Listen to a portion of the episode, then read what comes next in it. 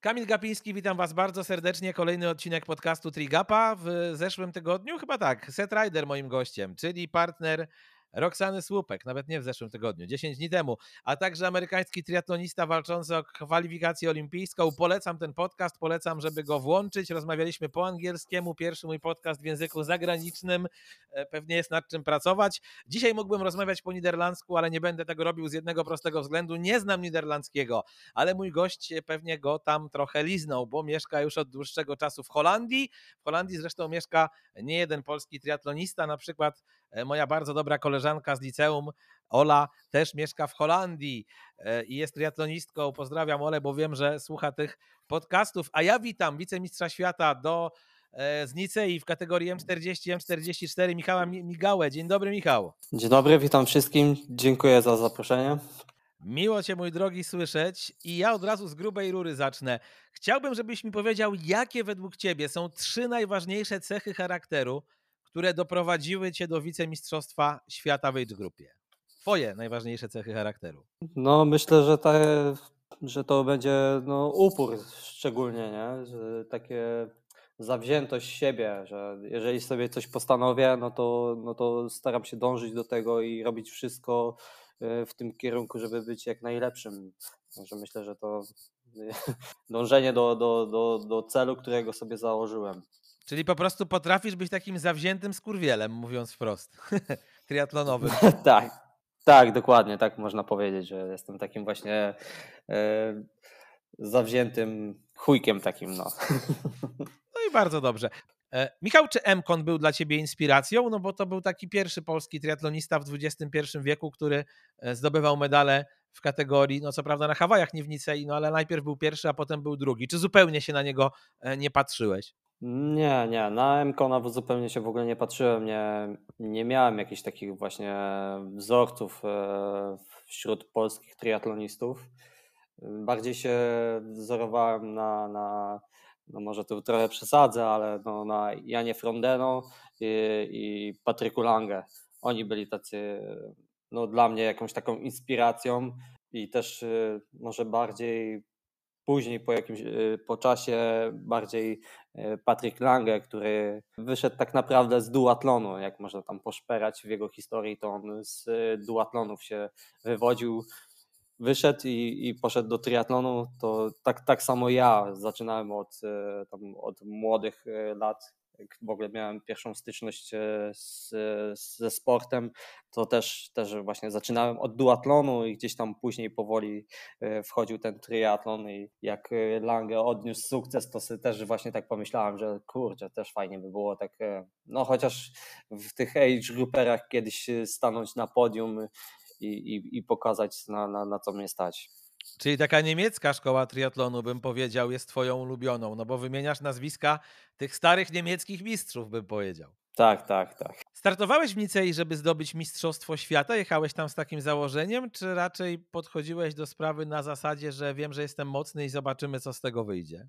E, z takim podejściem podchodziłem, jechałem tam e, z myślą o, o podium w sumie no, o podium no, no zawsze każdy myśli, ma takie ambicje jadąc na Mistrzostwa Świata. Myśląc o, myślałem o podium, ale też y, myślałem, że nie będzie źle, jak będę w pierwszej dziesiątce, nie? Ale jak już, jak już gdzieś tam po, po, w czasie wyścigu y, na trasie biegowej dostawałem informacje od, od, od żony i od Filipa, jak tam mi idzie, no to, no to już, już wiedziałem, że jest blisko, podium i, i no nie, nie, mogę się poddać i tylko cisnąć e, na maksa kurde, do przodu, nie? Jak, jak najbardziej, e, żeby właśnie nadrobić do, do, do, do tego podium. Nie? Ja myślę, Michał, że ty chyba lubisz górskie trasy rowerowe, rowerowe, tobie służą, bo kwalifikacje zdobyłeś do Nicei w Lanzarocie. Nicea też to absolutnie nie jest trasa dla wszystkich. Tak, ja lubię właśnie takie, takie górskie trasy i i to też weryfikuje, myślę, wszystkich zawodników, bo no, no wiadomo, no, na płaskim no to, no to każdy głupi ukończy i ten, a tutaj w takich e, górskich trasach myślę, że to trzeba też dużo, dużo, dużo e, wcześniej sobie zaplanować, e, jak rozłożyć siły i, i, gdzie, gdzie będzie można przycisnąć, bo można na takich dystansach przegiąć pałę i, i, i już nie, i nie ukończyć, prawda? E, bo jesteśmy w podobnym wieku. Który ty jesteś rocznik, przypomnij? 83. No to najlepszy, bo też mój rocznik, czyli nawet w identycznym wieku niemalże. E, I tak się zastanawiam, bo ja jako mały chłopak w tych latach 90., w drugiej połowie, byłem rozkochany w tych wszystkich Vueltach, Tour de France, Giro d'Italia, e, tacy kolarze jak Marco Pantani, Gianni Bugno, e, Zenon Jaskuła czy Miguel Indurain to byli moi idole. Też tak miałeś? Miałeś wtedy taką fascynację kolarstwem, czy, czy niekoniecznie? No też miałem, ale dla mnie bardziej właśnie e, był e, Amerykanin, prawda? Lance Armstrong. Dla mnie on był wtedy idolem. Tak jak ty mówisz w tych czas, naszych czasach, no to ja też tam e, bardziej właśnie w duatlonie większe jakieś tam sukcesy miałem, bo, bo też jeździłem na Mistrzostwa Świata i Europy w duatlonie. Parokrotnie też mistrzem Polski byłem w duatlonie. To mnie bardziej kręciło, ale w tamtym okresie też dużo trenowałem właśnie z koleżami i te, też, też zdarzało mi się y, ścigać z kolarzami na, na, na, zawodach czy, czy w przełajach kolarskich. Super czasy były wtedy. To myślę też, że jak ktoś brał udział w takich wyścigach, e, to potem triatlon, szczególnie na tym długim dystansie na rowerze, e, no już się nie wydaje taki inwazyjny, bo jednak wiadomo, jak wygląda wyścig kolarski. Tam e, szprycha koło szprychy jedzie. W triatlonie w teorii przynajmniej tak być nie powinno. No na tych długich dystansach, no to, to wiadomo, jest e, no drafting i no, no, nie można nikomu na kole jeździć, a e, no, inaczej jest, e, prawda, na, na sprintach, nie? no to oni tam też idzie ogień i też potrafią bardzo szybko jeździć. Miałem okazję też startować w Pucharze Świata któregoś razu, będąc w kadrze. No i załapałem się do takiej grupy i tam naprawdę grubo ponad 60 na godzinę, jeden obok drugiego i to no to trzeba mieć e, oczy dookoła głowy i być bardzo skoncentrowanym i ale to też świetne przeżycie jest taka e, ekstra adrenalina w, w, podczas takiego wyścigu, bo tam jest od początku do, do, do, samego, do samej mety nie? jest ogień. Nie? Także no super, super się wspomina te, takie czasy i takie zawody. Nie ma, powiedziałbym, czasu, żeby się zastanawiać nad sensem życia, ani nad innymi kwestiami, jak to przy Ironmanie, jak jedziesz i jedziesz i jedziesz samotnie. E, nie jest to takie medytacyjne, tylko faktycznie dzieje się więcej. Popatrzyłem na rezultaty Twoje i Mistrza Świata w naszej kategorii, czyli Christiana Haupta sporo do niego straciłeś, bo to było prawie 10 minut, dokładnie 9 minut 50 sekund. E, popatrzyłem na te międzyczasy, no i tutaj Niemiec był zdecydowanie szybszy na pływaniu, bo 5 minut, zaokrąglając, na rowerze, bo 15 minut. Ty natomiast brutalnie mu wpieprzyłeś na e, biegu, bo byłeś tam szybszy o 10 minut jak popatrzyłeś sobie potem na to wszystko, to bardziej cieszyłeś się z tego srebrnego medalu i tego, że nie dałeś się dogonić Peterowi Finwickowi, który był trzeci i był gorszy od ciebie, od ciebie o 2,5 minuty, czy jednak mimo tej dużej straty do Niemca, e, gdzieś tam powiedziałbym, był taki żal w serduszku, że nie skończyłeś jako pierwszy? Nie, no na pewno jestem zadowolony z tego, że no, no ja wiem, to, że bieg jest bardzo mocną stroną moją, nie? I, i ja zawsze na takich długich dystansach zawsze mówię, że no, zawody kończą się na biegu, tak? Na, na Ironmanach czy na, nawet na połówce, nie? To jest, no, no niestety, no, na, na biegu wszystko się rozgrywa, tak? Bo no, przegniesz gdzieś tam e, na pływaniu czy, czy na rowerze i, no i później już nie pobiegniesz, nie? nie no moje pływanie, no wiadomo, no jest słabe, bo nie mam takiej możliwości, żeby pływać codziennie, tylko mam możliwość pływania dwa razy w tygodniu, w tygodniu, więc to nie jest za wiele i no, nie mam takiego rozpływania. Chociaż i tak myślę, że na dwa, dwa razy pływania w tygodniu, no to i tak jakoś tam e, nie jest źle. No może z rowerem jestem trochę niezadowolony, no jest trochę słaby, no ale no z biegu jestem no, no mega zadowolony i, no i też czuję gdzieś tam jakiś trochę niedosyt, że no nie udało się jednak e, no, dogonić Niemca, ale bardzo jestem e, dumny z tego, z siebie, że, że właśnie no, zostałem wicemistrzem świata. No to naprawdę nie, nie każdemu się no, udaje. No, wręcz większości się nie udaje. Poza tym wiesz, ten wynik na bieganiu jest naprawdę niesamowity. No, zrobić na Ironmanie w niełatwych warunkach, bo przecież w Nicei upał niemalże jak na Hawajach 2,53 to jest już wynik mm, powiedziałbym, światowej klasy. No, oczywiście wiadomo, że zawsze ci profesjonalni triatloniści będą biegać szybciej, natomiast E, choćby Marcin, o którym już mówiliśmy, konieczny marzył o tym, żeby złamać trzy godziny kiedyś w Ironmanie i chyba ta sztuka, z tego co pamiętam, mu się ostatecznie nie udała. To też najlepiej pokazuje, e, biorąc pod uwagę, jakim super biegaczem jest Emkon, jak to jest trudne zadanie, a tyś to połamał i to jeszcze o 7 minut. No, no ale to pewnie no, też no, no miał jakiś tam wpływ, mówię, tak jak może gdzieś tam za mocno pojechał, czy popłynął, nie? to też mogło mieć wpływ na to, że, że nie mógł złamać te, tego. Nie?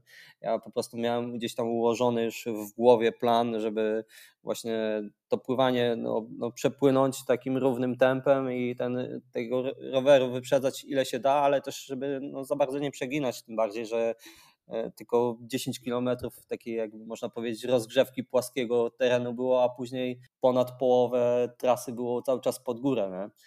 Więc no, no, trzeba było to z głową zrobić i dobrze rozłożyć siły. No a później, no tak jak mówię, wszystko się rozstrzygnęło. Wiedziałem, że na biegu muszę dać z siebie wszystko, a jeszcze jak dostałem no, informację od, od Filipa i od, od e, mojej żony Pauli, że no, jestem blisko podium, no to kurde, no wiadomo, zadziała adrenalina i no i kurde, no to co, no to cisnę na maksa, nie? Najwyżej będę się czołgał. No to bieganie jest niesamowite, jeżeli o ciebie chodzi, bo ja przesłuchałem jeden z podcastów, w którym występowałeś i tam mówiłeś, że 2.33 zrobiłeś w debiucie w maratonie. No to jest kosmiczny wynik. Tak, tak. No tak było. No. To jakbyś trochę o tym maratonie opowiedział, gdzie to było i z jakiego treningu żeś pobiegł te 2.33, no bo jednak wiesz, to też jest taki wynik dla większości amatorów, myślę, że przez całe życie nieosiągalny. Ten maraton był e, w 2006 chyba, czy 2005. To jakoś było właśnie przed moim debiutem na pierwszym Ironmanie w, na Węgrzech. Tak naprawdę do tego maratonu tak za bardzo się nie przygotowywałem. To było po, prostu tak jakby no, z treningu. Pojechaliśmy z, z klubem i no, no trzeba, trzeba zobaczyć, tak, no, jak mam wystartować w Ironmanie, no to muszę zobaczyć, z czym mam się mierzyć na, na tym biegu. No i tak załapałem jakąś tam dobrą grupkę i tak, tak pobiegłem, no 2.33, tak jakoś wyszło. No wyszło całkiem nieźle. Zastanawiam się Michał, czy ty dzisiaj jesteś najlepszym polskim age grouperem? Bo jakby tak popatrzeć na wyniki, to wydaje mi się, że jedynym facetem, który ma do ciebie start w age grupach jest Sergiusz Sobczyk. Owszem, Sergiusz był niżej na Mistrzostwach Świata w swojej kategorii wiekowej w Nicei, no ale też wiemy, że e, Sergiusz jest jednak od nas sporo młodszy, mówię od nas, no bo jesteśmy z tego samego rocznika. Mm, był, był od ciebie szybszy o niespełna dwie minuty, no ale startował w kategorii 30-34, co nie dało mu podium, mimo tego dobrego e, wyniku. Czy ty dzisiaj właśnie jak siebie postrzegasz jako jednego z dwóch najlepszych, a być może najlepszego polskiego age czy, czy w ogóle się nad tym nie zastanawiasz?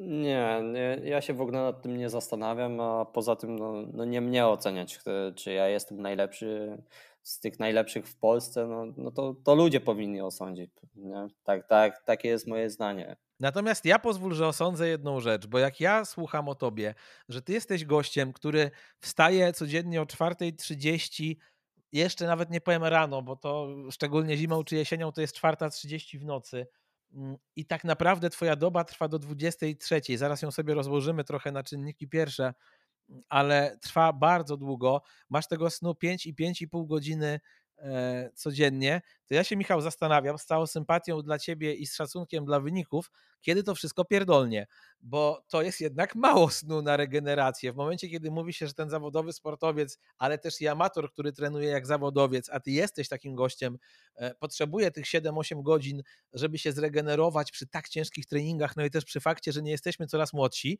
Ja zresztą, moi drodzy, na dniach będę nagrywał podcast o tym, jak ważny jest sen e, w życiu triatlonisty, więc to sobie tam wtedy rozłożymy na czynniki pierwsze i na pewno Mojej ekspertce, jako e, przykład tutaj podam.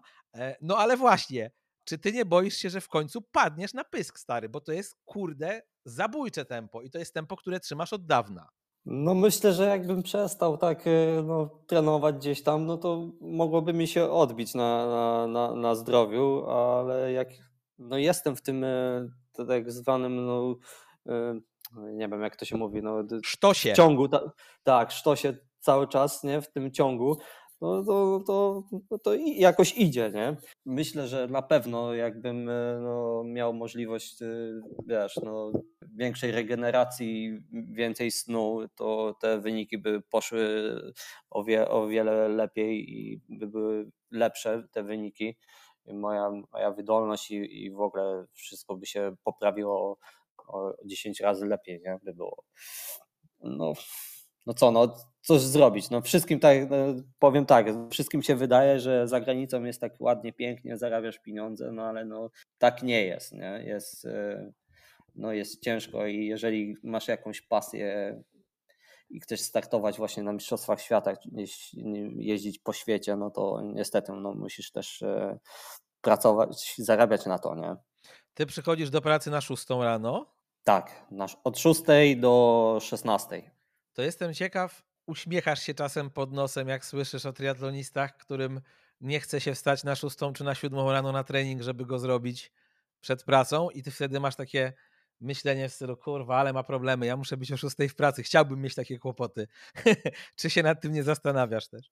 Nie, nie zastanawiam się, ale jak, jak widzę, że niektórzy tak e, właśnie marudzą, to myślę, no człowieku, no pomyśl sobie, co ja robię. Nie? No godzenie tego wszystkiego nie jest łatwe. Od 6 do 16 robota w Holandii, operator wózka widłowego, tak? Dobrze mówię? Tak, zgadza się. No. I potem wracasz i co? To jest taki moment, kiedy, e, nie wiem, jesz obiad, przebierasz się i pędzisz na trening, robisz sobie, jak to starsi ludzie w naszym wieku, drzemkę regeneracyjną i dopiero idziesz na trening? Jak to tak zazwyczaj codziennie pomiędzy poniedziałkiem a piątkiem wygląda?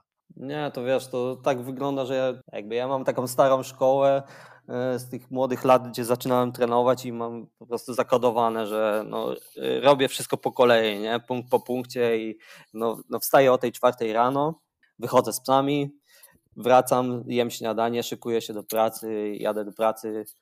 W pracy y, no, szykuję sobie obiad już do pracy, tak, żeby nie tracić czasu, żeby też ten, trochę dla tej swojej Y, rodziny poświęcić trochę czasu. Wracając z pracy, przychodzę, znowu wychodzę z psami, szybko się przebieram i idę na trening. Nie?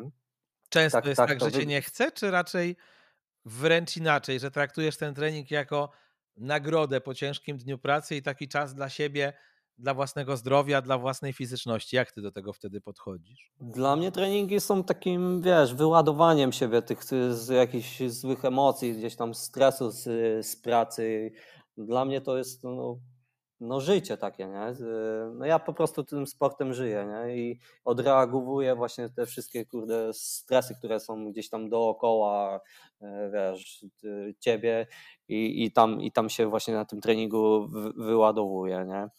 No i później jak wracam z, z, z tego treningu, no to wiadomo, jeszcze trochę coś, jakąś kolację zjeść i trochę coś spróbować obejrzeć. No i tak to wygląda, tak mój, mój dzień wygląda. Ale zazwyczaj jak ty już wyprowadzisz te psy po pracy i wiesz, że się przebierasz na trening, to raczej, Michał, idziesz z uśmiechem na ustach, czy bywają takie dni, że się naprawdę nie chce, a jednak masz w sobie właśnie ten taki porządek, tę starą szkołę, jak sam powiedziałeś i mimo, że się nie chce, to trochę jak Emkon w swoim ostatnim sezonie triatlonowym nie zastanawiasz się nad tym, tylko po prostu robisz. No, no to, to no jak wracam, no, i, no są takie momenty. No najgorsze są momenty tak jak teraz, nie? Przychodzi właśnie, jest e, zima, czy tam jesień i to są takie, wiesz, ponure dni, a tutaj w Holandii, no to, to też taka jest e, pogoda, no depresyjna, ciągle wieje, pada deszcz. Polsce to jeszcze, wiesz, śnieg zimą spadnie, to jakoś to jest inaczej, tak człowiek inaczej to odbiera, a tutaj non-stop jest taka szaruwa, y, wiesz, jedziesz do pracy, jest ciemno, wracasz z pracy, jest ciemno, pada, wieje ci prosto w twarz, no to są takie właśnie trudne, y, trudne właśnie y, miesiące zimowe, w których jest ciężko, no i przychodzą takie dni, że, że naprawdę no, nie chce mi się, ale mówię sobie, no kurde, no nie pójdę, chociaż pójdź, zrób, y, wiesz, trochę lżejszy ten trening y, czy coś, ale wyjdź i zrób coś, nie? Nie, nie siedź w domu, bo to jeżeli chcesz osiągnąć jakiś, wiesz, sukces, no to, no to trzeba się ruszyć, tak? Trzeba, trzeba, trzeba coś zrobić. A tego snu ci starcza? To znaczy są takie momenty, że masz zjazdy energetyczne w pracy czy podczas treningu, czy jednak te 5,5 godziny koniec końców jest ok i jakby jesteś w stanie ten cały dzień przelecieć na takich wysokich obrotach przy takim śnie?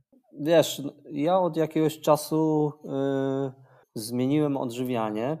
Wiem, że to teraz yy, wszyscy o tym mówią i jest modne, ale ja od y, trzech, trzech i pół roku przeszedłem na wegetarianizm. Zacząłem się czuć lepiej, te wyniki też y, poszły lepiej i to też y, myślę, że daje mi właśnie to, że, że wystarcza mi, mi tego snu, nie? Ty, mhm. te, te 5 godzin. Ale to jest tak, że właśnie Paula i ty y, jakby sami sobie szykujecie te posiłki, czy, czy bardziej jakiś catering, który wam pomaga, żeby zaoszczędzić czas? E, I ile kalorii tak potrzebuje wicemistrz świata dziennie, żeby przelecieć taki energetyczny dzień? To są 4000, więcej, mniej? Nie, no jedzenie to sobie sami szykujemy, bo Paula też co innego je, także osobno sobie, no wiadomo, czasami zjemy, mamy, że jakiś tam obiad czy coś, no to są takie, że możemy zjeść razem, ale tak to osobno y, sobie gotujemy i to, i to przed pracą. A co, co tam jeszcze było? Bo... Ile ty kalorii przyjmujesz, jestem ciekaw, e, podczas takiego, wiesz, tygodnia treningowego, no bo to jednak pewnie spalasz od groma. No, no to tak jak powiedziałeś, około 4-4,5 tysiąca kalorii no, dziennie muszę gdzieś tam wcisnąć w siebie, nie?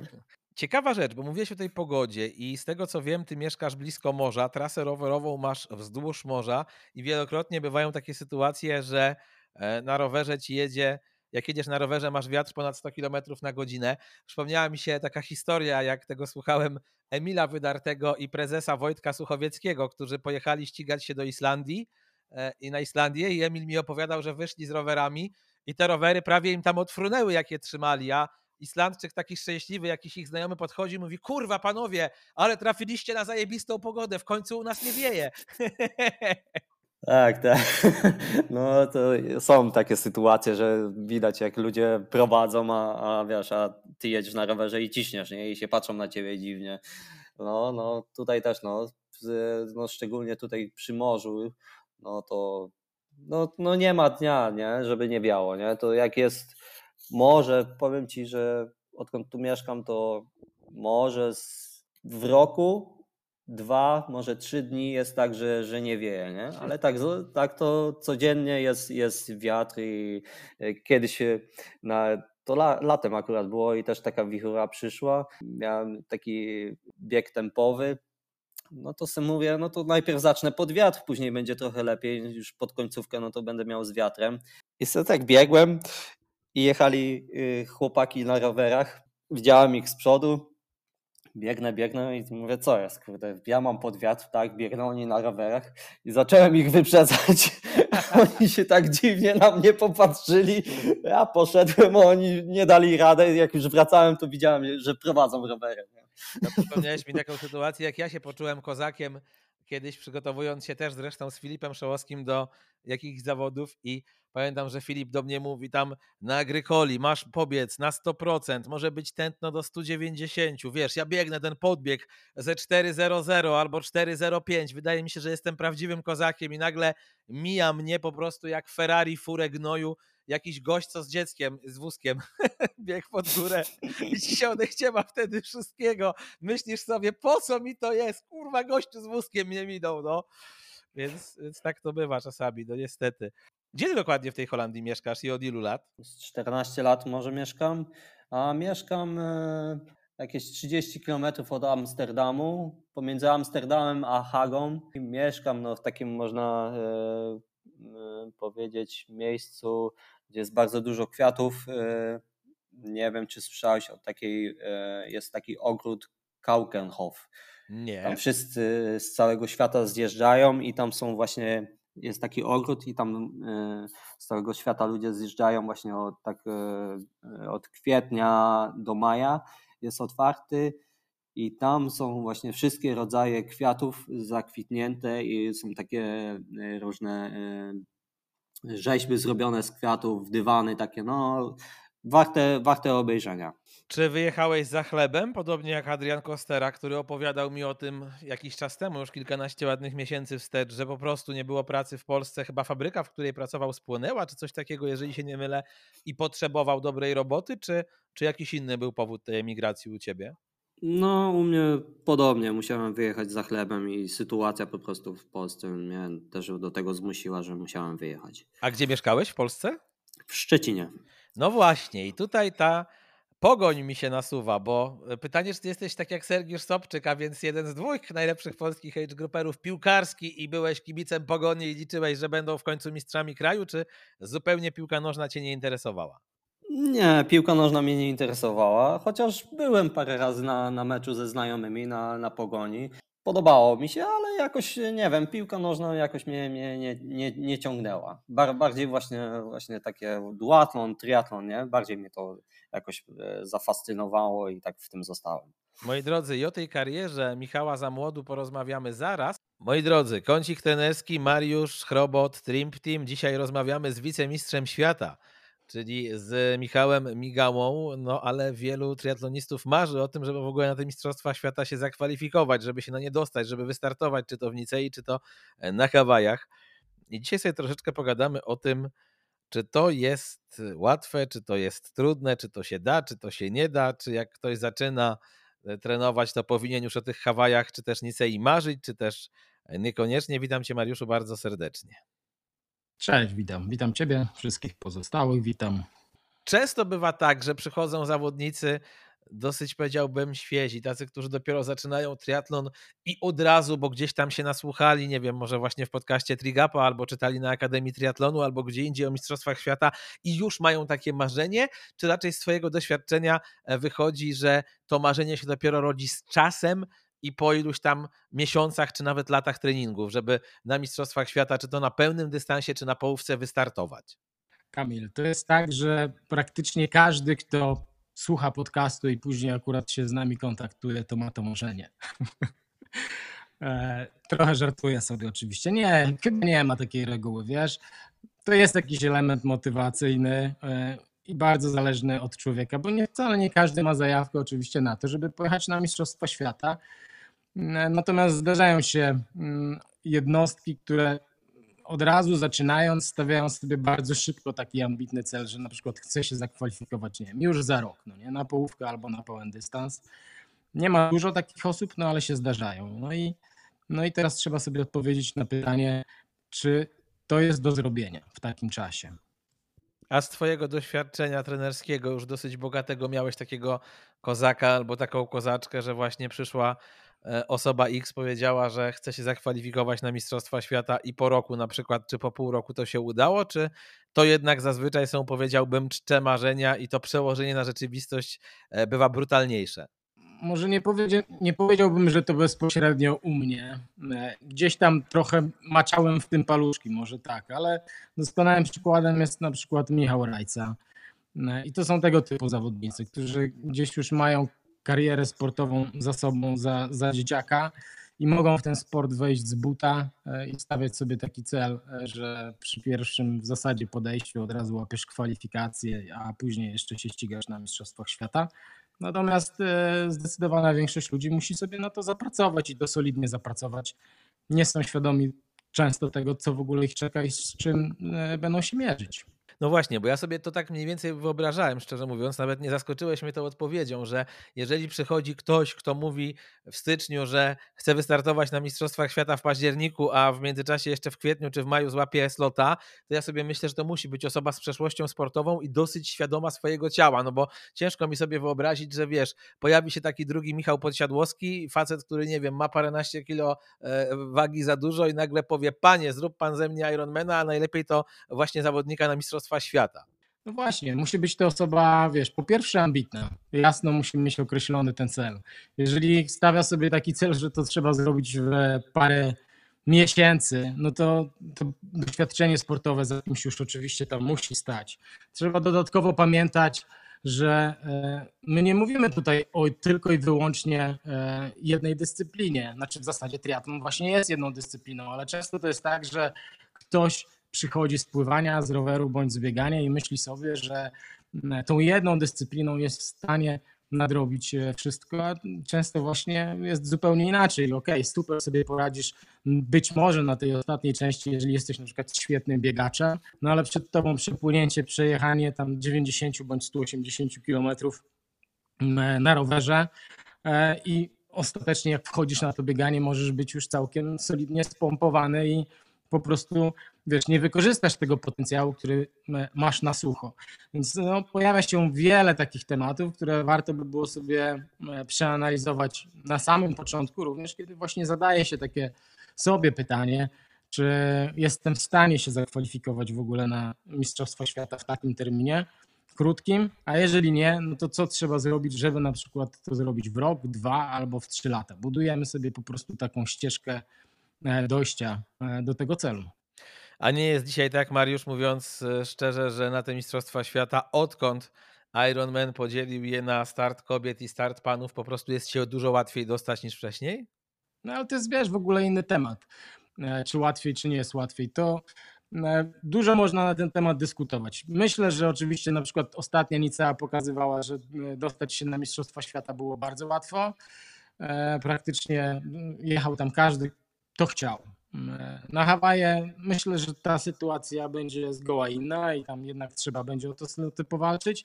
Natomiast myślę, że też następne Mistrzostwa Świata, jeżeli odbędą się w Nicei, to ta konkurencja już będzie o wiele, o wiele silniejsza, ponieważ same zawody po prostu są epickie, wyjątkowo trudne i, i e, nie ma w ogóle wstydu, żeby tam e, startować, nawet jeżeli nie masz tych e, hawajskich widoków za oknem. Też, też masz palmy, też jest piękna pogoda, no i trasa wyjątkowo wymagająca, która brutalnie mm, człowieka potrafi przycisnąć do ziemi.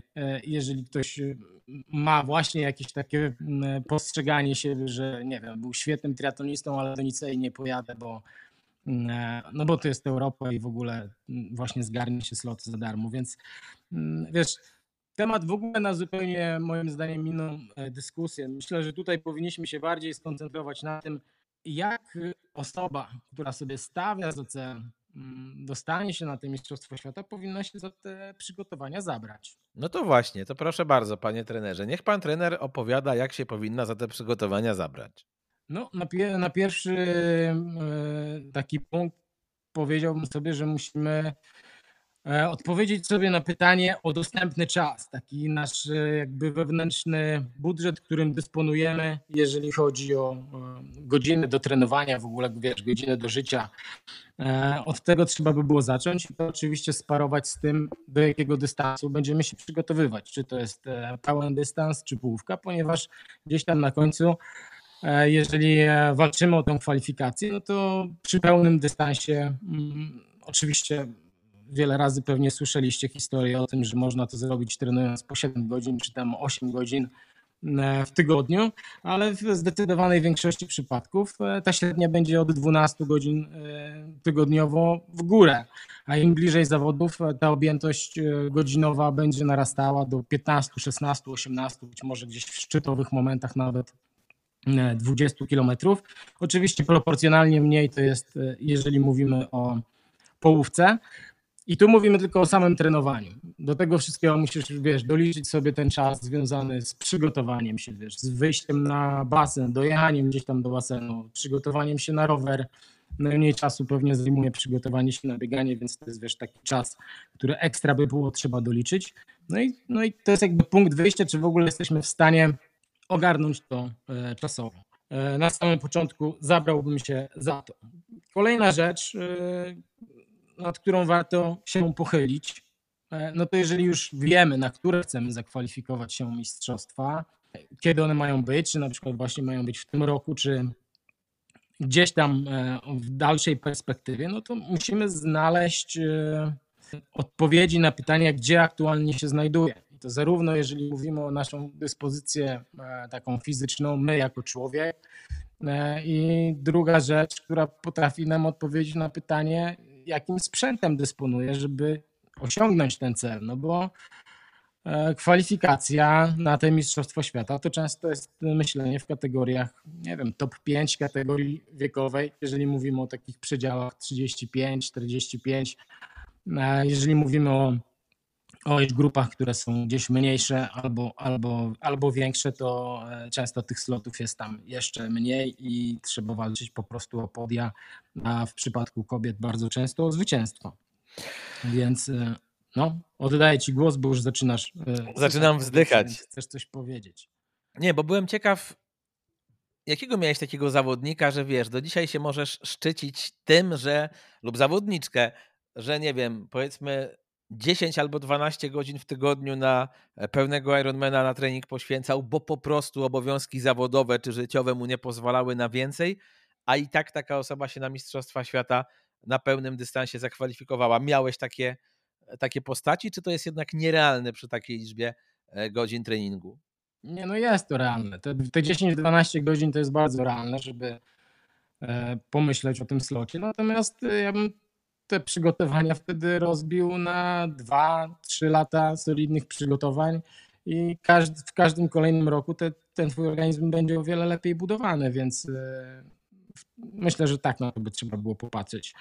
U nas w Trimpie chyba doskonałym przykładem osoby, która gdzieś solidnie właśnie systematycznie pracuje w tym zakresie, to jest jeden z naszych trenerów, czyli Michał Wojtyło i Olimpia zresztą. To są osoby, które mniej więcej pracują, e, tak trenują w przedziale 10 do 12 godzin, czasami mniej.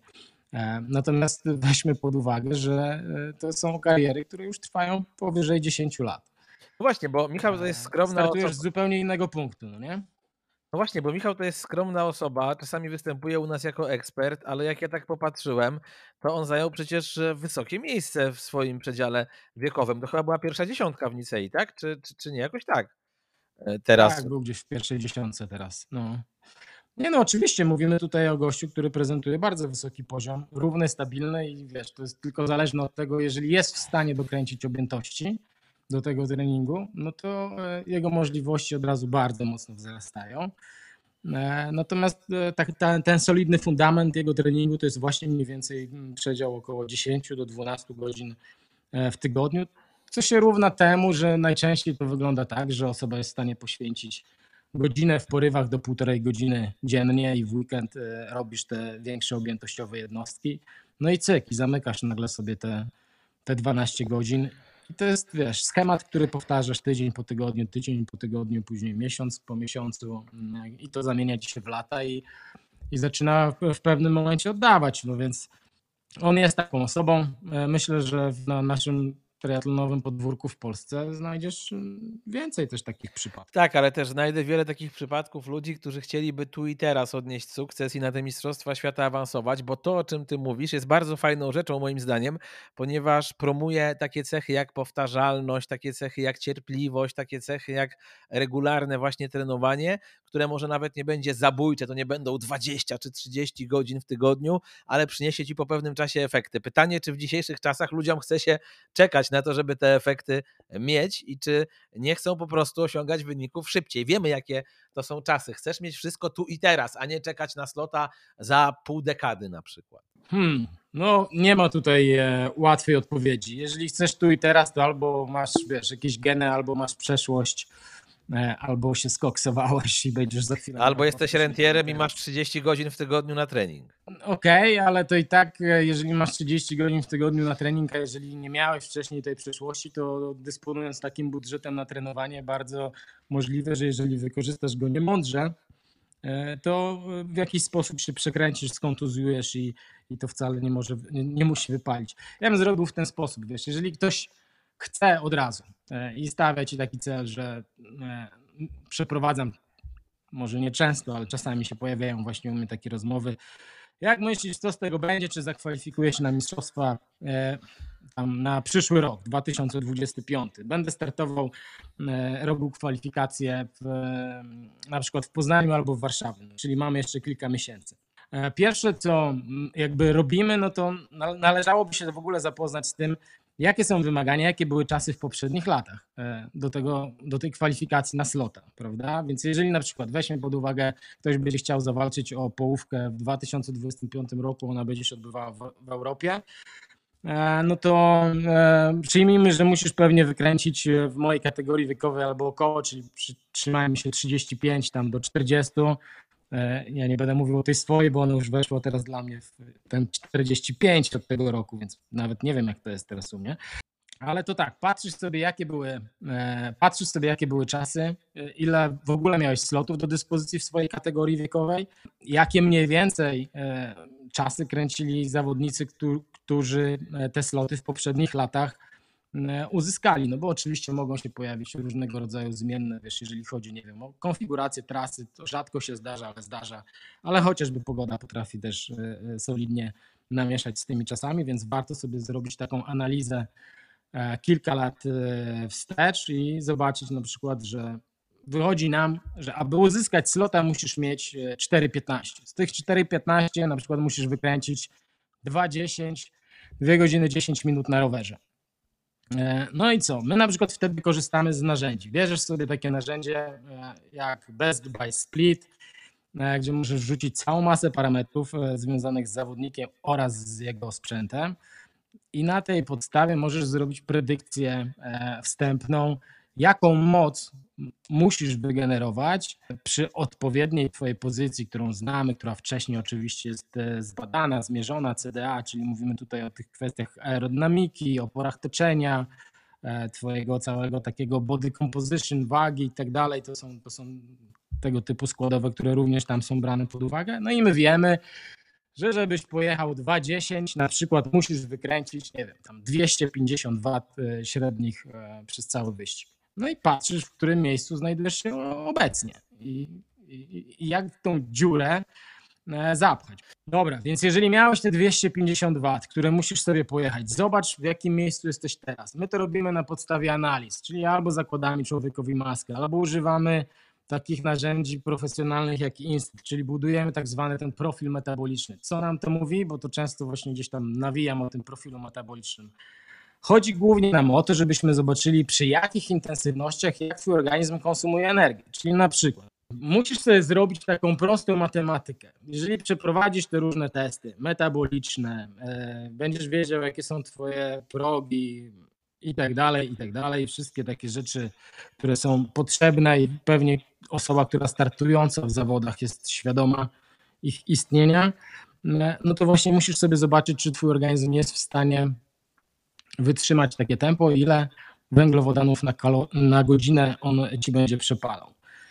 E, I bardzo często jest tak, że już przy zadanej intensywności, e, na przykład na tym rowerze, przy tych 250 W, które musisz ukręcić, e, sam rower pochłonie ci bardzo dużo tych węglowodanów, nawet do, nie wiem, 350 w takich dwóch godzinach, a często jest tak, że startujesz z bakiem napełnionym na 400 gram węglowodanów. To jest mniej więcej taki glikogen zgromadzony w mięśniach i w wątrobie dla faceta, który ma 70-70 parę kilogramów. E, więc 350 mm, gram z tych 400, e, jeżeli byś się nie odżywiał, w żaden sposób już ci wyparowuje.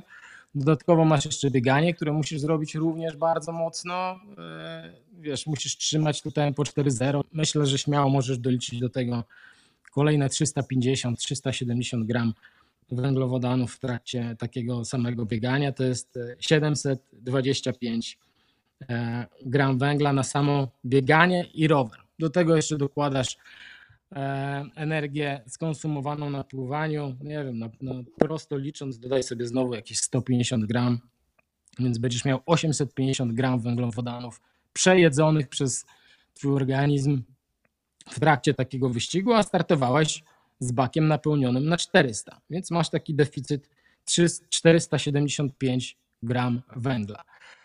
E, no i oczywiście to nie jest tak, że ty robisz zawody nie odżywiając się, no ale twój organizm jest w stanie mm, spalić mm, około 90 gram węglowodanów na godzinę. Tam niektóre badania mówią trochę więcej, no ale, e, ale trzymajmy się tej liczby 90. Twój wyścig będzie trwał 4 godziny, więc 360 gram węgla przyjmiesz. Więc e, Mniej więcej jesteś na takim blisko deficycie 100 gram węglowodanów, co nie jest jakimś tam sporym deficytem, jeżeli bierzemy pod uwagę, że mamy kilka miesięcy do trenowania. No i teraz zabierając się za ten trening, musimy właśnie popatrzeć na to, w jaki sposób przesunąć sobie tą krzywą, żeby twój organizm mniej korzystał z węglowodanów przy zadanej intensywności, a bardziej z dostępnych e, tłuszczów, które posiadasz. No więc zaczynasz planować w odpowiedni sposób e, treningi, no żeby do tego celu się zbliżyć i żeby mniej więcej w ostatnich czterech tygodniach przed zawodami móc już pracować na tych intensywnościach i przy tych wartościach, które będą e, dla ciebie obecne na zawodach. Mój drogi, to jeszcze tak już zbliżając się do mety naszych wywodów dzisiejszych, jakbyś powiedział, jakie są te błędy, które najczęściej popełniają ci, którzy chcą szybko się właśnie e, dostać na Mistrzostwa Świata. Ci, którzy są tacy, powiedziałbym, zbyt ambitni. To jest przetrenowanie właśnie, to jest, nie wiem, to, że trenują jak popieprzeni przez pierwszych parę miesięcy i łapią kontuzję, czy coś innego. Co takiego ci się nasuwa z punktu widzenia trenera pracującego w, no, w karierze z setkami zawodników? No, tysiące zaraz powiesz jeszcze tam, miliony. Słuchaj, no, nie, może setki już były.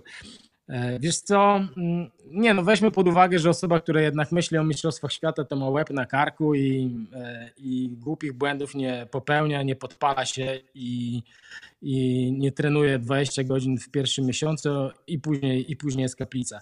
Wydaje mi się, że właśnie najpopularniejszym błędem jest patrzenie na siebie z perspektywy jednej dyscypliny, czyli okej, okay, jestem beznadziejny na pływaniu, jestem, wiesz, zajebisty na rowerze i jakoś dociągnę rower, bieganie albo rower, wiesz, wiesz, różne konfiguracje e, tutaj wchodzą, a triatlon to jest jedna dyscyplina, jedna zazębia się z kolejną, e, a cały czas podczas tego wyścigu masz do dyspozycji tylko jedną bateryjkę, którą musisz rozsądnie rozdysponować.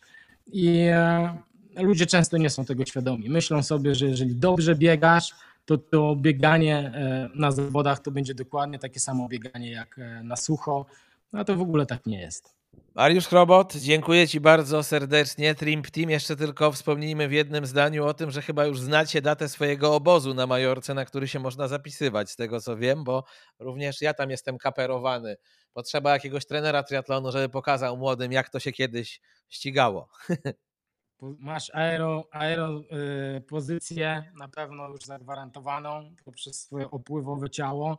Myślę, że będziesz bardzo szybkim zawodnikiem tam na zjazdach. Tak będziemy e... rozmawiać. Dobrze, okej. Okay. Wszystko zapisane. Słuchaj, słuchaj y, tak, startujemy tam 19. Zapraszamy oczywiście na nasze social media. 19 tam... E, kwietnia dodajmy, mój drogi, bo tutaj to nie jest oczywiste. Kwietnia. 19 kwietnia będzie już fajna pogoda. Zapraszamy na nasze socjale, na Instagramie, jak sobie tam ktoś na przykład wpisze pod e, postem, być może nawet i ten, który teraz mamy Majorka, to my mamy coś takiego, że przygotowujemy i są już osoby, które z tego skorzystały, taki dedykowany plan przygotowujący do obozu, niekoniecznie naszego, możesz mieć swój obóz treningowy i my Ciebie fajnie wprowadzimy, przygotujemy Cię przez tydzień, dwa, jak będzie potrzeba, to nawet przez miesiąc stworzymy Ci taki plan przygotowujący do obozu, żeby można było z takiego obozu jak najwięcej wyciągnąć. Bo właśnie często jest tak, że ludzie jadą na obóz, e, wrzucają ogromne ilości objętości, później wracają i z kolei w zasadzie nie są w stanie trenować, bo są przemęczeni. Więc my to chcemy takim naszym ciekawym gestem, że tak powiem, e, troszkę zmienić. Więc jeżeli ktoś chce, niech pisze Majorka pod postem odnośnie tego podcastu i my wtedy przygotujemy osoby fajny, dedykowany plan przygotowujący na jego własny obóz. No dobrze, ja jeszcze nie wiem, czy pojadę, może tak, może nie, a jak tak, to na pewno nie będę tak ciężko trenował jak wy wszyscy, tylko e, raz, raz dziennie wyjdę z łaski swojej na pół godziny wody albo godzinę biegu, ale to negocjacje jeszcze trwają, dużo zostało czasu do tego obozu, więc będziemy sobie jeszcze nie, tutaj... Wiesz, żeby, była, żeby było jasność, obozy właśnie nie są tylko i wyłącznie dla ludzi, którzy prezentują nie wiadomo jaką tam dyspozycję, będzie wszystko dla każdego i naprawdę doskonała zabawa. I będzie mocne trenowanie, ale też świetna, świetna zabawa, e, więc nie ma się czego obawiać. E, poradzimy sobie tak samo z, z Tobą. Dziękujemy bardzo i wracamy do Michała Migały. Tuż przed przerwą na kącik trenerski troszkę się cofnęliśmy do jego rodzinnego miasta, czyli do Szczecina. Nawiasem mówiąc, jeszcze mi się nie zdarzyło do Szczecina dojechać, cholera jasna. Jest chyba jedno jedyne duże polskie miasto, w którym nie byłem, ale jakoś tak daleko zawsze do tego Szczecina, że e, nie miałem okazji. Ty w Szczecinie debiutowałeś w duatlonie, wygrałeś pierwsze zawody, nagroda rower górski, tak? To nie było w Szczecinie, tylko to było pod Szczecinem w, Goleniowie. Okay. I to też tak, y, też tak pojechałem e, w sumie przez przypadek, bo No, jeszcze wtedy no, tam nic nie trenowałem, tylko sobie jeździłem tak na BMX-ie, tam w koło szkoły swojej się kręciłem i tak dalej. I był jeden trener, który właśnie miał kiosk naprzeciwko tej szkoły i niedaleko też mnie mieszkał i widział, że no, taki jestem aktywny i bardzo dużo spędzam czasu na, na tym rowerze. I gdzieś tam spotkał moją mamę, która przyszła e, tam do jego kiosku kupować papierosy. No i się zapytał, czy pani syn nie chciałby pojechać na jakieś tam zawody, ja go zabiorę, bo jestem trenerem i tak dalej. No i no to mama się zgodziła i zabrał mnie do tego goleniowa. Po drodze mi wytłumaczył o co chodzi. Miałem buty do biegania, no, no to co, no to sru, wsiadłem, dostałem kask, bo kasku też jeszcze nie miałem i na tym swoim BMX-ie tam po tym goleniowie pocinałem, no i wygrałem, a przy okazji jeszcze wygrałem do tego rower górski i tak po prostu zaczęła się moja przygoda ze sportem. Zaczęło się bardzo fajnie. Co więcej, Filip Szołowski, którego poprosiłem o to, żeby trochę mi o tobie poopowiadał przed tym podcastem, jako że jest twoim trenerem, opowiadał mi, że wy się ścigaliście jako juniorzy, bo Filip, przypomnę, jest od nas e, rok młodszy, rocznik 84. W jakich to miało miejsce warunkach? Kiedy to było? Ile lat temu? Sporo czasu. No. Jakoś tak będzie, no. Ale to no, no fajnie, fajnie. No jak się z, z, nimi jeszcze z Marcinem Florkiem e, się ścigaliśmy. Później no, był, przyszedł taki okres, że też się do kadry narodowej dostałem i też razem właśnie na, na, na obozy jeździliśmy parę razy na, i, i na, też właśnie na zawody reprezentacji Polski. No, fajne, fajne czasy. No. Pamiętam też taką sytuację i z tego też chyba Filip się śmie, śmieje i teraz też już y, Marcin Florek też się z tego śmieje, były e, Mistrzostwa Polski Młodzieży chyba e, w Żywcu. Też super, super zawody, właśnie tam też góry. I, I, tam była taka sytuacja, że no, wyszedłem ostatni z wody, później goniłem całą tą grupę. Goniłem na tym rowerze, wjechałem razem z tą całą grupą, gdzie właśnie był Filip i Marcin.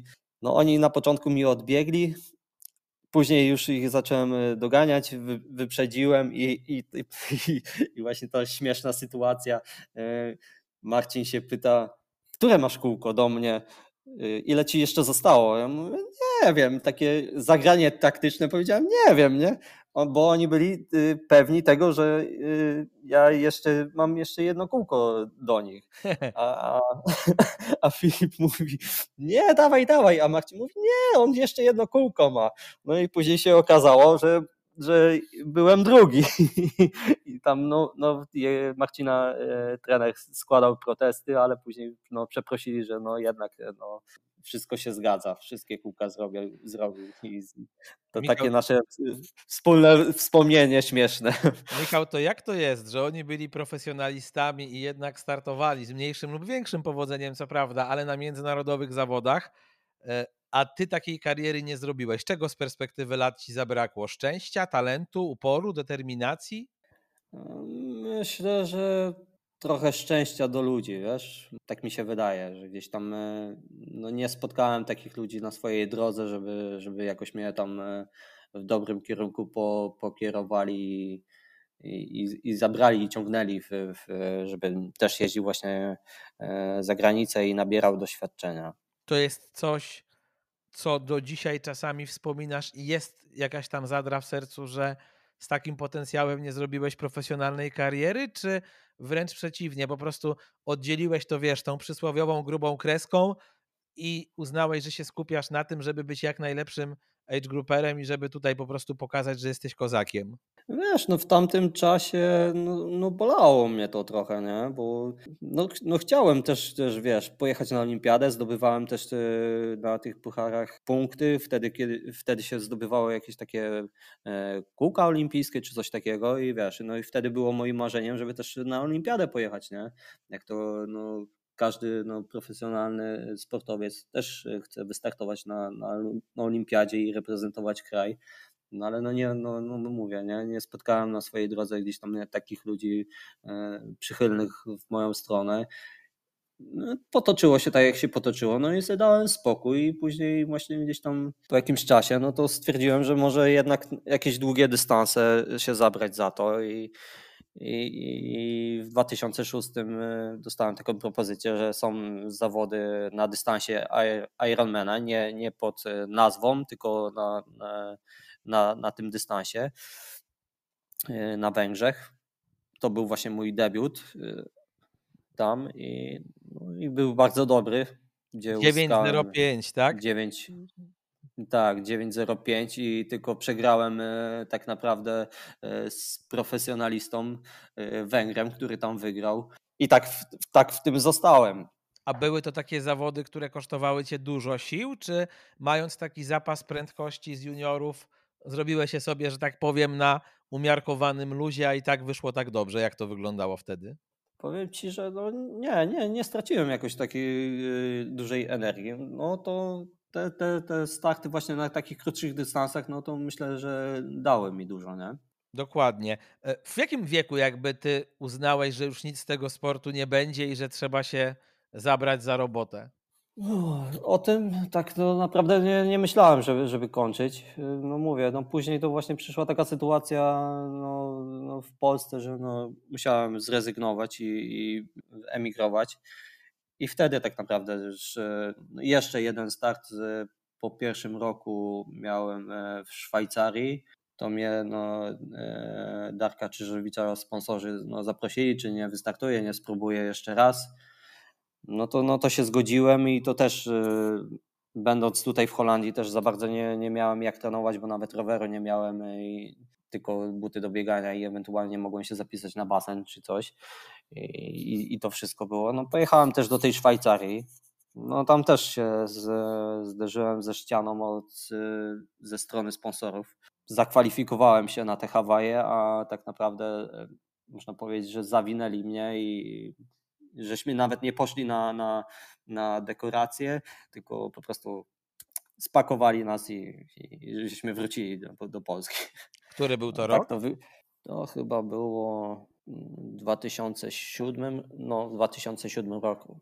Czyli 24-letni chłopak przeżywa spory zawód. Jak patrzysz na to, jak dzisiaj wygląda szkolenie w Polskim Związku Triatlonu, za które zresztą odpowiedzialny jest Filip, to nie jest ci tak trochę smutno, że się nie urodziłeś, wiesz, 10 lat później, bo, bo wydaje się, że współcześni 20, 18, 22, 3-latkowie, jeżeli mają talent, no to mają nieporównywalnie lepsze warunki do tego, żeby się rozwijać, niż, że tak powiem, nasze pokolenie.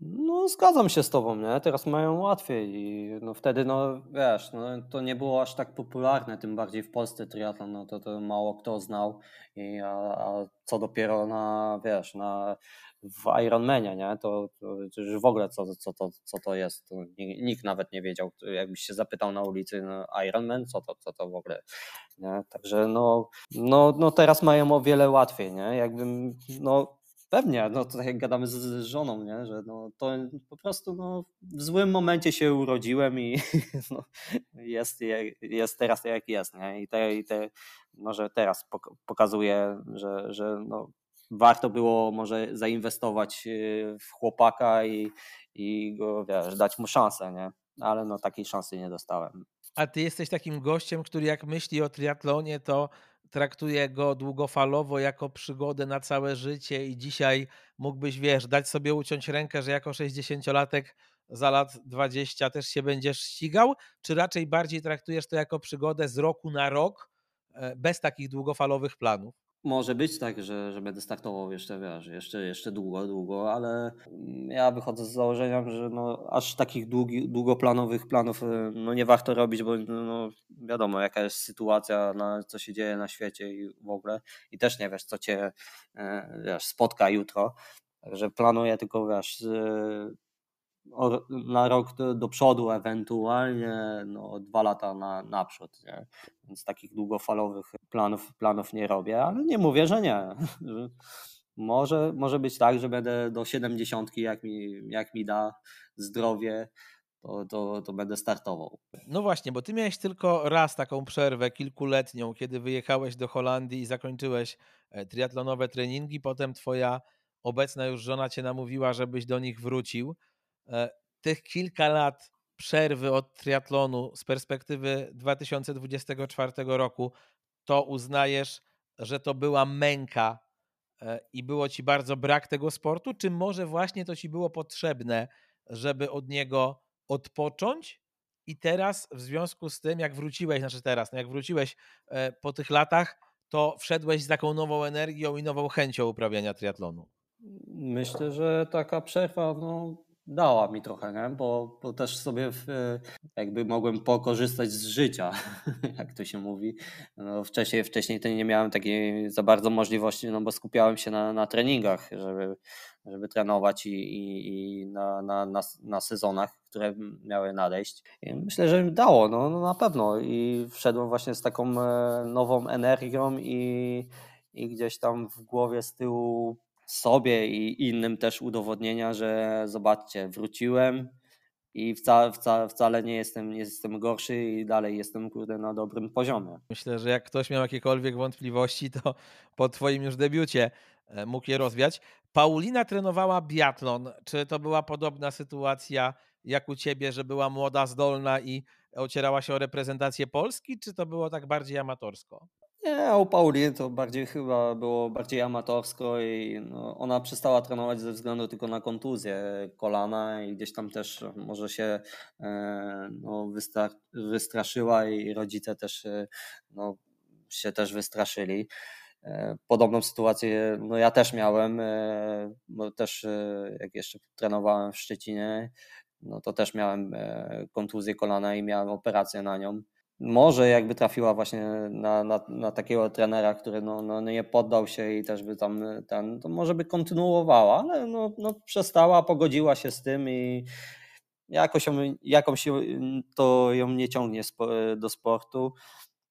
Robi karierę zawodową, y, bardziej się cieszy i tym, e, co ja robię i mnie bardzo w tym wspiera i czasami jest tak, że to ona bardziej planuje mi, e, gdzie, gdzie wystartować niż ja sam.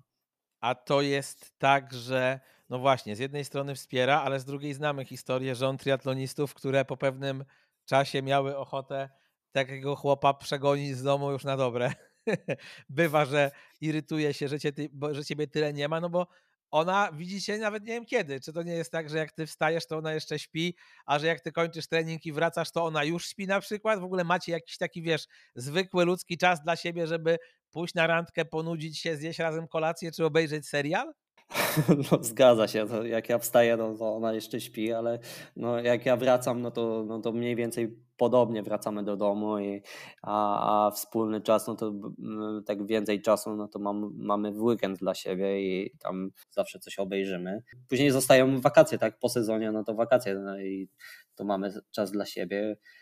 Poza tym można powiedzieć, że jesteśmy dobrymi partnerami w, w tym i się wspieramy w tym, co robimy, e, Paulina mnie wspiera w, tutaj w sporcie i, i właśnie tak jak mówię, no, to ona jest bardziej taka czasami nakręcona na to, żeby już się nie może doczekać e, kolejnych zawodów mm, niż, niż ja. Wiesz, dogadaliśmy się, ona chce robić karierę zawodową, wie, że ja bardzo kocham triatlon i mi na to pozwala, i więc dogadaliśmy się i, ja, i wiesz, i to współ, współgra, więc jej to nie przeszkadza, że, że mm, mnie nie ma w domu. Czasami e, w weekend jeszcze musi popracować gdzieś przed laptopem, no to się, się pyta, a co ty dzisiaj robisz? A ile cię nie będzie? A ja mówię, a dlaczego się pytasz? No bo ja muszę popracować, a jak ty jesteś w domu, no to ja nie mogę. Więc to tak wygląda. Słuchaj, dobrze to rozegrałeś. Ona cię namówiła do powrotu do sportu, więc nie może powiedzieć, że ma tego sportu dosyć. Brawo, Michał. Taktyka godna wicemistrza świata. A powiedz, jak się rozkładają te twoje treningi czasowo, w sensie pomiędzy poniedziałkiem a piątkiem, a potem sobota, niedziela? Jaki procent robisz w tych pięć dni roboczych, a potem ile starasz się jeszcze nadgonić e, właśnie w weekendy, kiedy nie pracujesz? No w tygodniu no to przeważnie robię jeden trening, nie? A dziennie. W, w, dziennie, tak. A e, w, w weekend no to no wychodzą dwa treningi dziennie. Mówiłeś o tym właśnie, jak słuchałem podcastu, w którym byłeś wcześniej, że trenujesz dwa razy w tygodniu pływanie, że gdybyś to pływanie mógł trenować częściej, może nawet 4, 5, 6 razy w tygodniu, to miałbyś czas w okolicach pewnie 57, 58 minut na Ironmanie. Tymczasem w Nicei miałeś godzinę 3. Wiadomo, że na tym poziomie te 4-5 minut e, to już robi olbrzymią różnice. Jest jakaś szansa na to, żeby to się w najbliższym czasie zmieniło, czy przy tym natłoku zajęć to w ogóle zapomnij? No niestety, no, przy tym, tak jak mówisz, przy tym e, takiej ilości obowiązków, no to niestety nie jestem w stanie e, gdzieś tam dołożyć jeszcze tego pływania. Czy ty po tylu latach z trenerem Filipem Szałowskim, jak to wygląda? To znaczy, on musi przecież zmieniać ci te obciążenia, musi ci zmieniać akcenty, żeby cały czas pobudzać organizm. To jest tak, żeby się jeszcze potraficie czymś zaskoczyć e, na tej linii trener-zawodnik, czy jesteście już takim sportowym, starym, dobrym małżeństwem? Wiesz, no z Filipem mamy no, no, kontakt y, cały czas i, i jak coś się dzieje, no to, no to uzgadniamy, że coś tam odpuszczamy, czy, czy no on jeszcze mnie przyciska, że no wytrzymaj jeszcze tydzień albo tam parę dni takiego mocniejszego, czy, czy tam ten i wiesz, jesteśmy w kontakcie, nie? No, zaskoczenie, no to zaskoczenie, no to on, on miał chyba na Mistrzostwach Świata, bo e, jak tam e, później Paula zdawała relację i, i, i Filip mówi, że Michał za mocno zaczyna, nie, za szybko biegnie, nie da rady. Paula mówi, dobrze wygląda, wie co robi, także spokojnie. Proszę, po ćwierć wieku znajomości jeszcze można kolegę trenera zaskoczyć. To dobrze, to się chwali.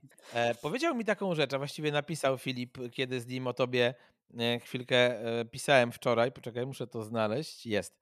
E, jest bardzo systematyczny i ma mega dużo do zrobienia w kwestii aerodynamiki i ustawienia roweru. Faktycznie to jest taka rzecz, którą nie wiem, trochę zaniedbałeś i tam jest taka duża, takie duże pole do poprawy? No nie wiem, wiesz, ja na rowerze jadę, to tam tego nie widzę, nie? No może rzeczywiście, może ma, ma rację w, w tym kierunku, może powinienem się udać na, na ustawienie roweru. No, no, no ja złego roweru kiedyś też nie miałem, także no to myślę, że to może trzeba nad tym pomyśleć i no, tego nie wiedziałem, to mi nie tego nie powiedział. A no widzisz, bo wiesz, ja też myślę sobie, że na twoim poziomie przy twojej ambicji, przy twoim trybie życia, no to też w kolejnych zawodach, w których będziesz startował, w następnych Mistrzostwach Świata, no mogą decydować te detale i niuanse, nie? Czyli właśnie kwestia ustawienia roweru, czyli właśnie kwestia e, pewnie tego, że jakbyś mógł więcej pływać, to byłby szybszy czas i tak dalej, i tak dalej, no bo to już jest jednak poważne ściganie, to nie jest, wiesz, mój występ w Ironmanie, że tam na granicy 11 i 10 godzin, tylko, tylko no tutaj już każda minuta ma znaczenie. No, każda minuta, każda sekunda, nie? Tutaj tak samo no, no, wyścig też trwa e, w, w strefie zmian, nie? Tutaj jak czasami się widzi, e, albo Paula mi opowiada, co ludzie robią e, w strefie zmian, no to, no to jest dramat, nie? No ale no to no to, i, i to przyjeżdżają ludzie na Mistrzostwa Świata, no to ja mówię, no to co ty człowieku tutaj robisz, jak on siada, rozkłada się, przebiera się, inne gacie, e, wiesz, skarpetki spokojnie, tutaj, e, wiesz, pogaduszki, picie, jedzenie, to, to, no to, no to tak jak e, no, na naszym, na, na moim poziomie, no to wiadomo, no, tam nie ma czasu, nie? Trzeba raz, dwa i nie, ciach, ciach i, i jak najszybciej stamtąd uciekać, nie? Także myśl, wszystko, wszystko, no tak jak mówisz, aerodynamika i, i, i, takie no, dopracowanie i przemyślenie, zapamiętywanie, gdzie, gdzie masz y, worki, bo to też na tym dużo można stracić. Być, no, trzeba być ciągle skoncentrowanym i wiesz, skupionym na tym, gdzie co masz i, i po kolei. Y, no ja tak przynajmniej robię, że no, y, układam sobie taki plan gdzieś tam w głowie przed zawodami, i, i, staram się jego trzymać i 10 razy przychodzę, wiesz, gdzie, gdzie, gdzie mam worek i, jak to po kolei ma, ma być e, robione, nie? Ustawiam sobie gdzieś tam w głowie. Tego pierwszego Ironmana zrobiłeś, no w tym roku będzie już 18 lat temu na Węgrzech. Startowałeś w tym czasie wielokrotnie za granicą, prawda? Bo to była Nicea, to był Luksemburg, to była Lanzarote, to był Maastricht, to było e, także w Danii. Zastanawiam się, z perspektywy tak doświadczonego zawodnika jak ty, co się najwięcej zmieniło w naszym świadku triatlonowym? Ja oczywiście, wiesz, nie pytam o taką oczywistą rzecz, jak to, że teraz są lepsze rowery, ale jak tak patrzysz na tych zawodników, czy w strefach zmian, czy podczas odpraw, czy jak jesteś jak na jakichś obozach, to coś takiego jest, a może kilka rzeczy, które twoim zdaniem się zmieniły na przestrzeni już prawie 20 lat?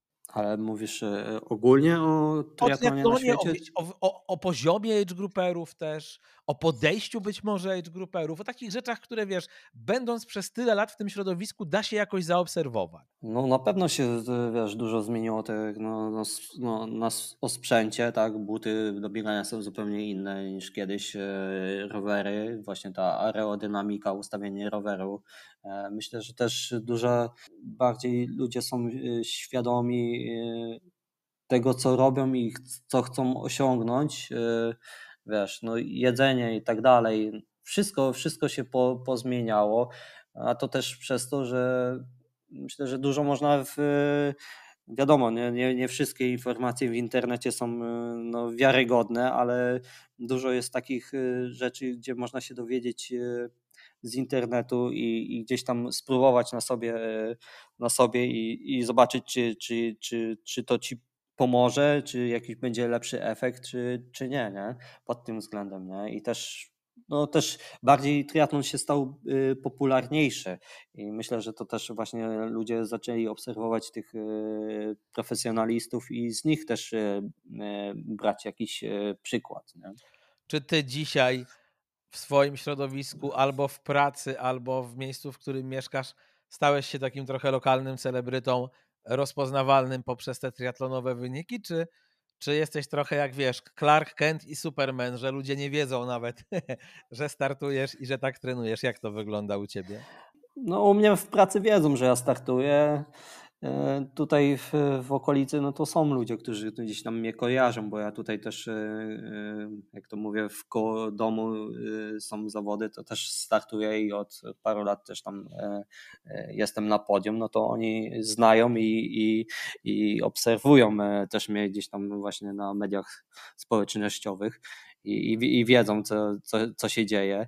Bo też miałem taką przyjemność właśnie, jak startowałem w Maastrichcie. Przyjechali z tej miejscowości triatloniści i tam byli i byłem naprawdę w szoku, że, że, że są i mi kibicują tam na trasie biegowej.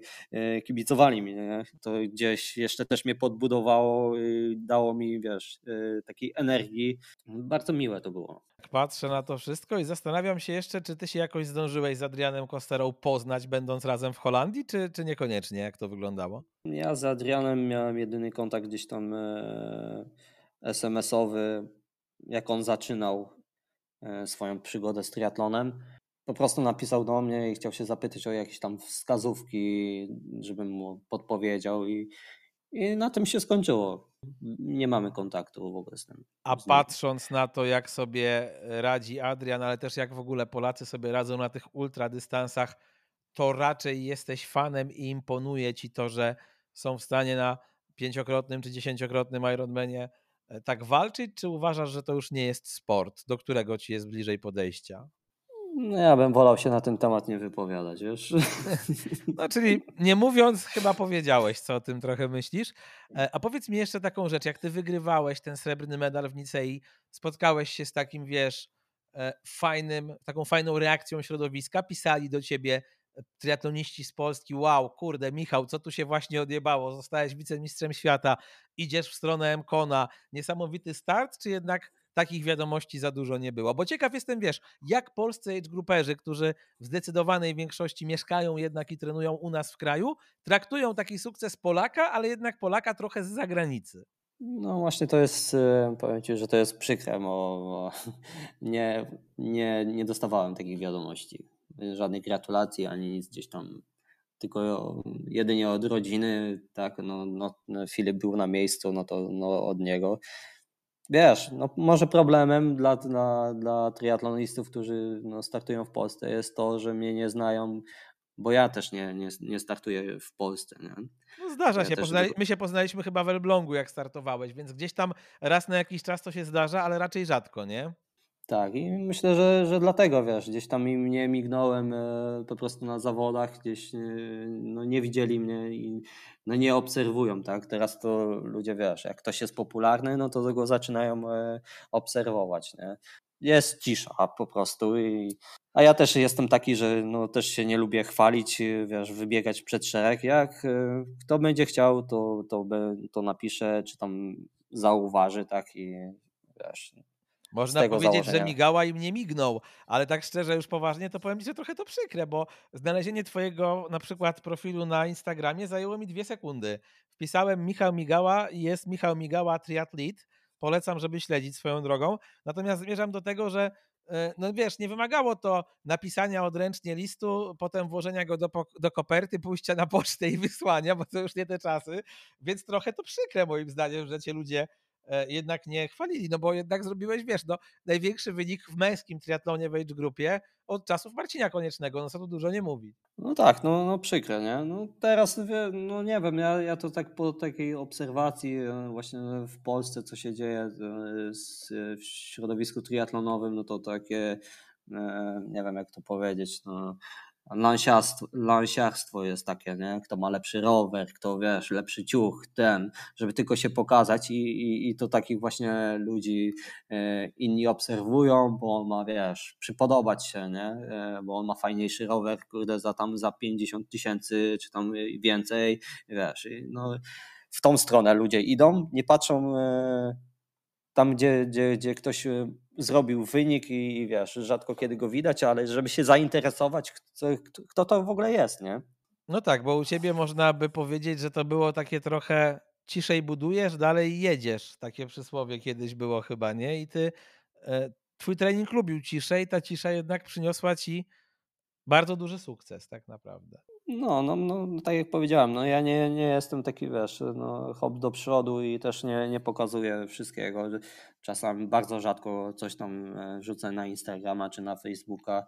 E, głównie to tam jak już e, z zawodów, ale to nie jestem takim człowiekiem, żeby się właśnie przechwalać i to może może też mój błąd, że, że nie, wiesz, nie jestem taki wylewny i tam wszystkiego, a dzisiaj byłem pobiegać tu, pstryk, pstryk, pstryk.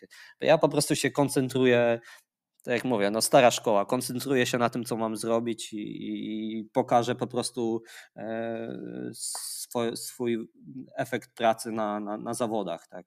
Mhm. Wiesz, to według niektórych to są smutne czasy, że właśnie żeby dzisiaj o tobie było głośno, to trzeba za przeproszeniem trochę tyłkiem świecić, a e, taka twarda, solidna, treningowa praca, jeżeli ktoś nie umie jej zareklamować albo po prostu nie czuje potrzeby, żeby tego robić, to się nie zawsze obroni. No, no dokładnie. No ja wiem, że, że teraz no, rządzą e, media społecznościowe i jak, jak nie będziesz w nich e, wiesz, uczestniczył, no to, no to nic też, też no, nie dostaniesz, czy tam nie, nie osiągniesz. Nie? Moi drodzy, ale żebyśmy nie kończyli tej rozmowy tak przykro, to ja myślę, że jest powód, żeby się cieszyć, bo mamy Polaka, który jest wicemistrzem świata i coś czuję, Michał, że to nie jest ostatnie słowo, jakie chcesz powiedzieć, bo pewnie kiedyś na te Hawaje się nie udało pojechać. Zakładam, że to pewnie jest też dla ciebie spory wydatek, ale po pierwsze, jak ktoś nas słucha i chciałby pomóc, to zachęcamy, żeby tutaj z Michałem współpracować, a po drugie myślę, że pewnie gdzieś tam będziesz chciał tego celu w postaci wyjazdu na Hawaje, nie wiem, czy w tym roku, czy w 2026, ale dopiąć. No na pewno, nie? To jest, wiesz, ciągle e, dalej moje marzenie, żeby tam e, pojechać i tam powalczyć na, na, na Hawajach. No to jest jednak e, legenda. No i myślę, że każdy musi się też startując w Ironmanach, myślę, że chce wystartować i zmierzyć się z tą, tą, tra, tą trasą, nie? z tymi warunkami, które tam są. No oczywiście nie powiedziałem ostatniego słowa. Plan jest taki, że no na pewno nie w tym roku nie będę robił kwalifikacji, ale jeszcze, jeszcze, jeszcze nie wiem kiedy, ale na pewno, na pewno będę chciał tam się dostać. Teraz jest plan taki, żeby skupić się na Mistrzostwach Europy, Europy w Estonii to jest taki y, wyjazd docelowy i tam, tam będę chciał powalczyć i spróbować też zdobyć slota na, na Mistrzostwa Świata na połówce, więc ta, taki jest plan. Na razie o Hawajach jeszcze, jeszcze, jeszcze nie, nie myślę, tak jak mówiłem wcześniej, nie mam takich e, dalekosiężnych planów. Ale kto wie, przypomnę, że MKON swoje Mistrzostwo Świata zdobył w kategorii M45, M49, więc tak to spuentuje. Parę lat na te Hawaje jeszcze E, ci Michał zostało. Michał Migała był dzisiaj moim gościem, e, nasz znakomity triatlonista, amator, ale taki amator, jak słyszycie, nie do końca, bo jednak sporo tego sportu w całym życiu. Ja też, e, nie wiem, czy ty wiesz, ale jest taki prezenter i konferencjer Michał Migała. E, nie wiem, czy to kiedyś e, mm. zwróciłeś na to uwagę. To ja też mówię, że nie z tym Michałem Migałą, e, prezenterem i konferencjerem, tylko z tym triatlonistą dzisiaj rozmawiałem. Dzięki, Michał. Dzięki.